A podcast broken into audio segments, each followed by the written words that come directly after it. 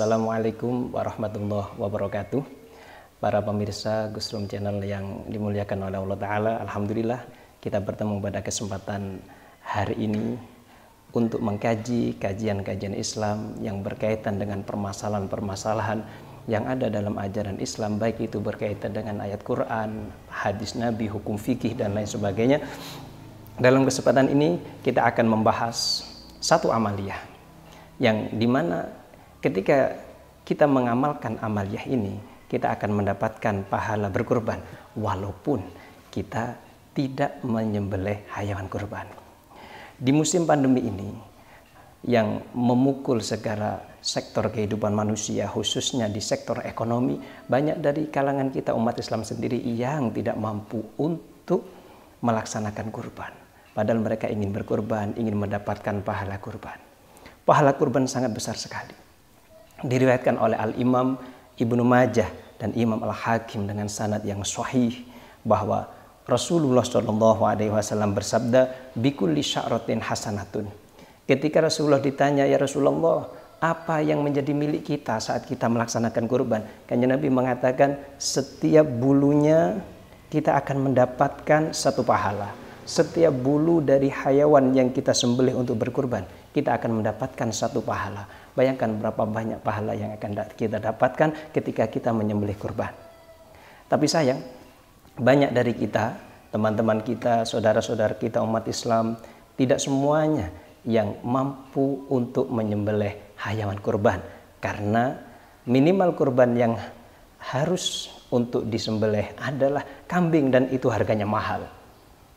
Dua juta setengah tidak semua orang mampu untuk membeli seekor kambing, apalagi onta dan sapi. Karena itu kita akan memberikan solusi di sini Gus Rum Channel akan memberikan solusi bagi kita semuanya yang tidak bisa menyembelih kurban, yang tidak bisa untuk menyembelih kambing, menyembelih onta, menyembelih sapi. Bagaimana supaya kita semuanya tetap bisa mendapatkan pahala berkurban, pahala berkurban kambing, pahala berkorban sapi atau bahkan pahala berkorban unta yang mungkin bagi kita umat muslim di Indonesia tidak akan pernah terpikir sama sekali untuk berkorban dengan menggunakan unta karena memang unta tidak ada di sini. Para pemirsa yang dimuliakan oleh Allah Ta'ala. Islam memberikan solusi kepada umatnya yang tidak melakukan, yang tidak mampu melakukan satu amaliyah, yang ingin mendapatkan pahala amaliyah tersebut dengan memberikan amaliyah lain yang jika dilakukan dia akan mendapatkan pahala seperti amalan tersebut. Contohnya orang yang jihad fisabilillah. Tidak semua orang bisa melaksanakan jihad fisabilillah, tapi Allah memberikan solusi dengan mencari ilmu, dengan tolabul ilmi, kita bisa mendapatkan pahala jihad fisabilillah. Begitu juga dalam hal ini para pemirsa yang dimuliakan oleh Allah Taala, tidak semua orang bisa berkorban, tapi banyak dari kita yang ingin mendapatkan pahala kurban. Maka Rasulullah Wasallam memberikan solusi kepada kita.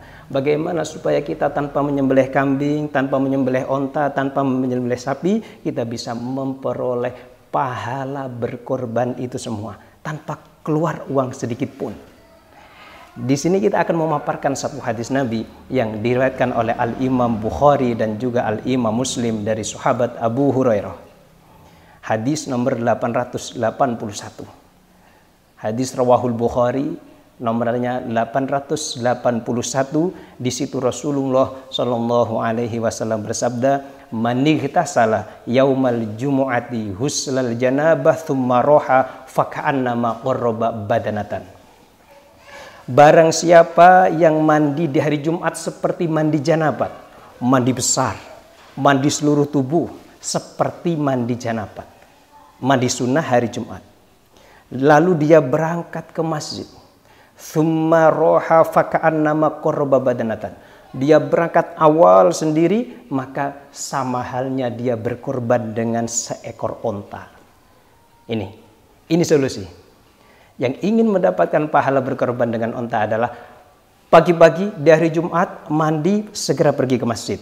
Maka dia akan mendapatkan pahala sama seperti menyembelih seekor onta. Waman roha fi sa'ati thaniyah faka'annama qarraba baqaratan. Dan barang siapa yang pergi ke masjid di waktu yang kedua, maka sama halnya dia dengan menyembelih seekor sapi. Wa man roha fi sa'ati thalithah faka'annama korba kabshan aqloron. Dan barang siapa yang pergi Jumatan di hari Jumat di waktu yang ketiga, maka sama halnya dia dengan berkorban seekor kambing yang bertanduk. Waman roha fi sa'ati robi'ah faka'annama qarraba dajajatan. Dan barang siapa yang pergi ke masjid di jam yang keempat, maka sama halnya dia berkorban dengan seekor ayam. Waman roha fis sa'atil khamisah faka'annama qarraba baidatan dan barang siapa yang pergi di waktu yang kelima maka sama halnya dia dengan berkorban sebuah telur sebutir telur. Ini solusi bagi kita semua untuk mendapatkan pahala berkorban tanpa harus mengeluarkan uang, tanpa harus merogoh saku kita.